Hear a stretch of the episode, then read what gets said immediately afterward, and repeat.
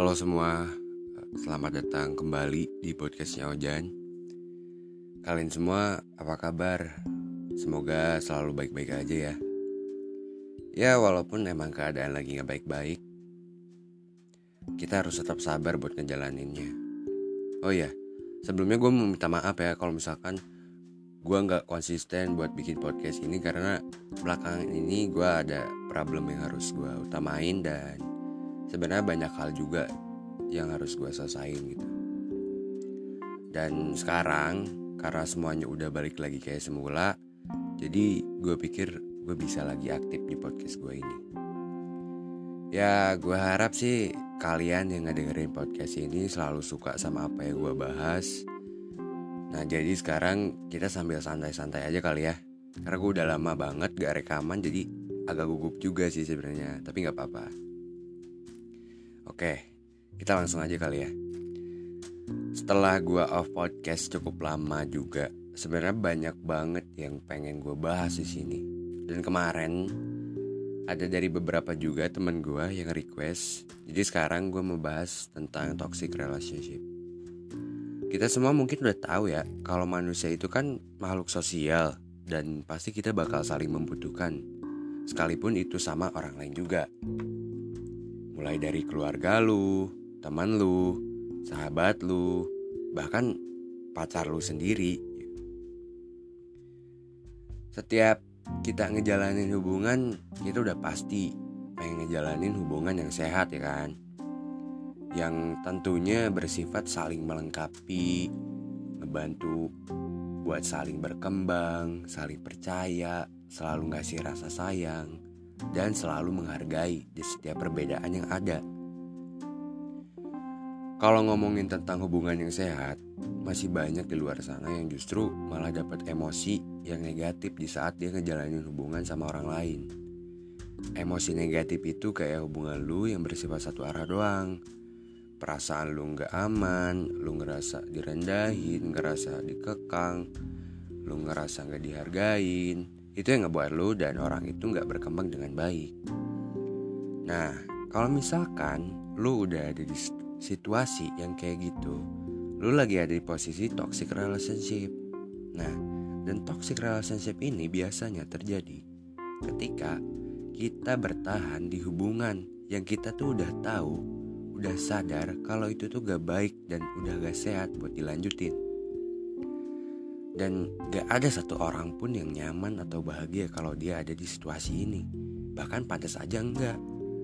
Dan kenapa kita tuh kadang-kadang masih ada di relationship ini atau hubungan ini itu tuh karena kita berharap kalau semua itu bakalan balik lagi kayak awal kayak di mana lu ngerasain awal-awalnya lu kenal dia romantisnya romantis seromantis romantisnya gitu sama dia bahkan sampai sebucin sebucinnya nah kalau menurut gue ya kalau kalian nih lagi ada di posisi ini kalau sekiranya orang itu gak ada value buat lu dan dia gak ngebuat kalian jadi orang yang lebih baik gak mensupport lu dan kalau orang itu bener-bener sayang sama kalian dia gak akan pernah sampai nyakitin kalian.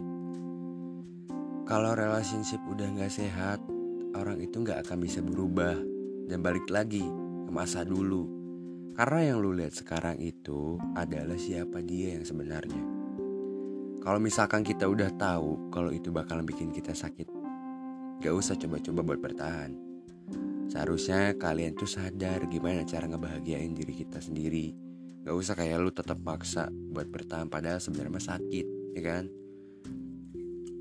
Mama gue pernah bilang kayak gini ke gue Sekuat-kuatnya perempuan, sehebat-hebatnya wanita, dan sekeras-kerasnya cewek Gak ada yang suka kalau diperlakukan kasar, sekalipun itu pakai suara juga makhluk yang dikasih kelebihan hati dari sang pencipta juga pengen diperlakukan pakai hati juga.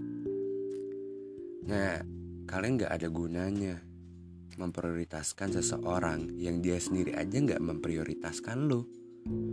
Karena berjuang sendiri itu capek fisik, cap sama capek hati.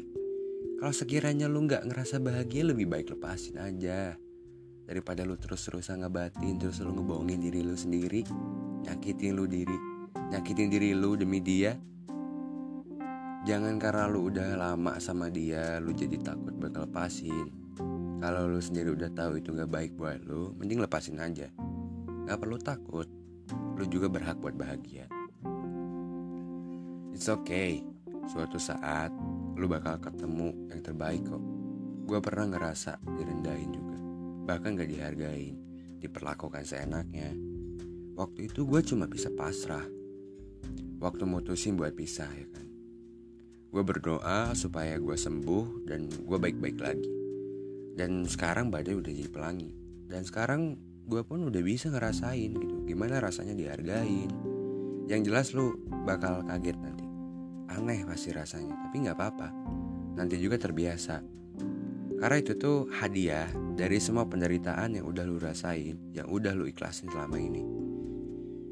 Ya mungkin dari gue cukup segitu aja sebetulnya banyak banget kalau ngebahas tentang toxic relationship ya tapi ini gue ambil dari ambil dari referensi dari beberapa sumber juga dan yang terakhir ya gue pengen kalian selalu jaga kesehatan karena dengan kondisi yang sekarang belum stabil kita jadi nggak bisa ke mana-mana nah, jadi gue pengen kalian tetap stay di rumah pokoknya selalu menerapkan protokol kesehatan ya kan biar kita terhindar dari segala penyakit. Oh iya, gue juga mau minta maaf kalau misalkan ada kata-kata yang gak enak didengar atau ada suara yang ganggu juga.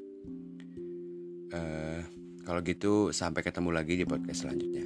See you.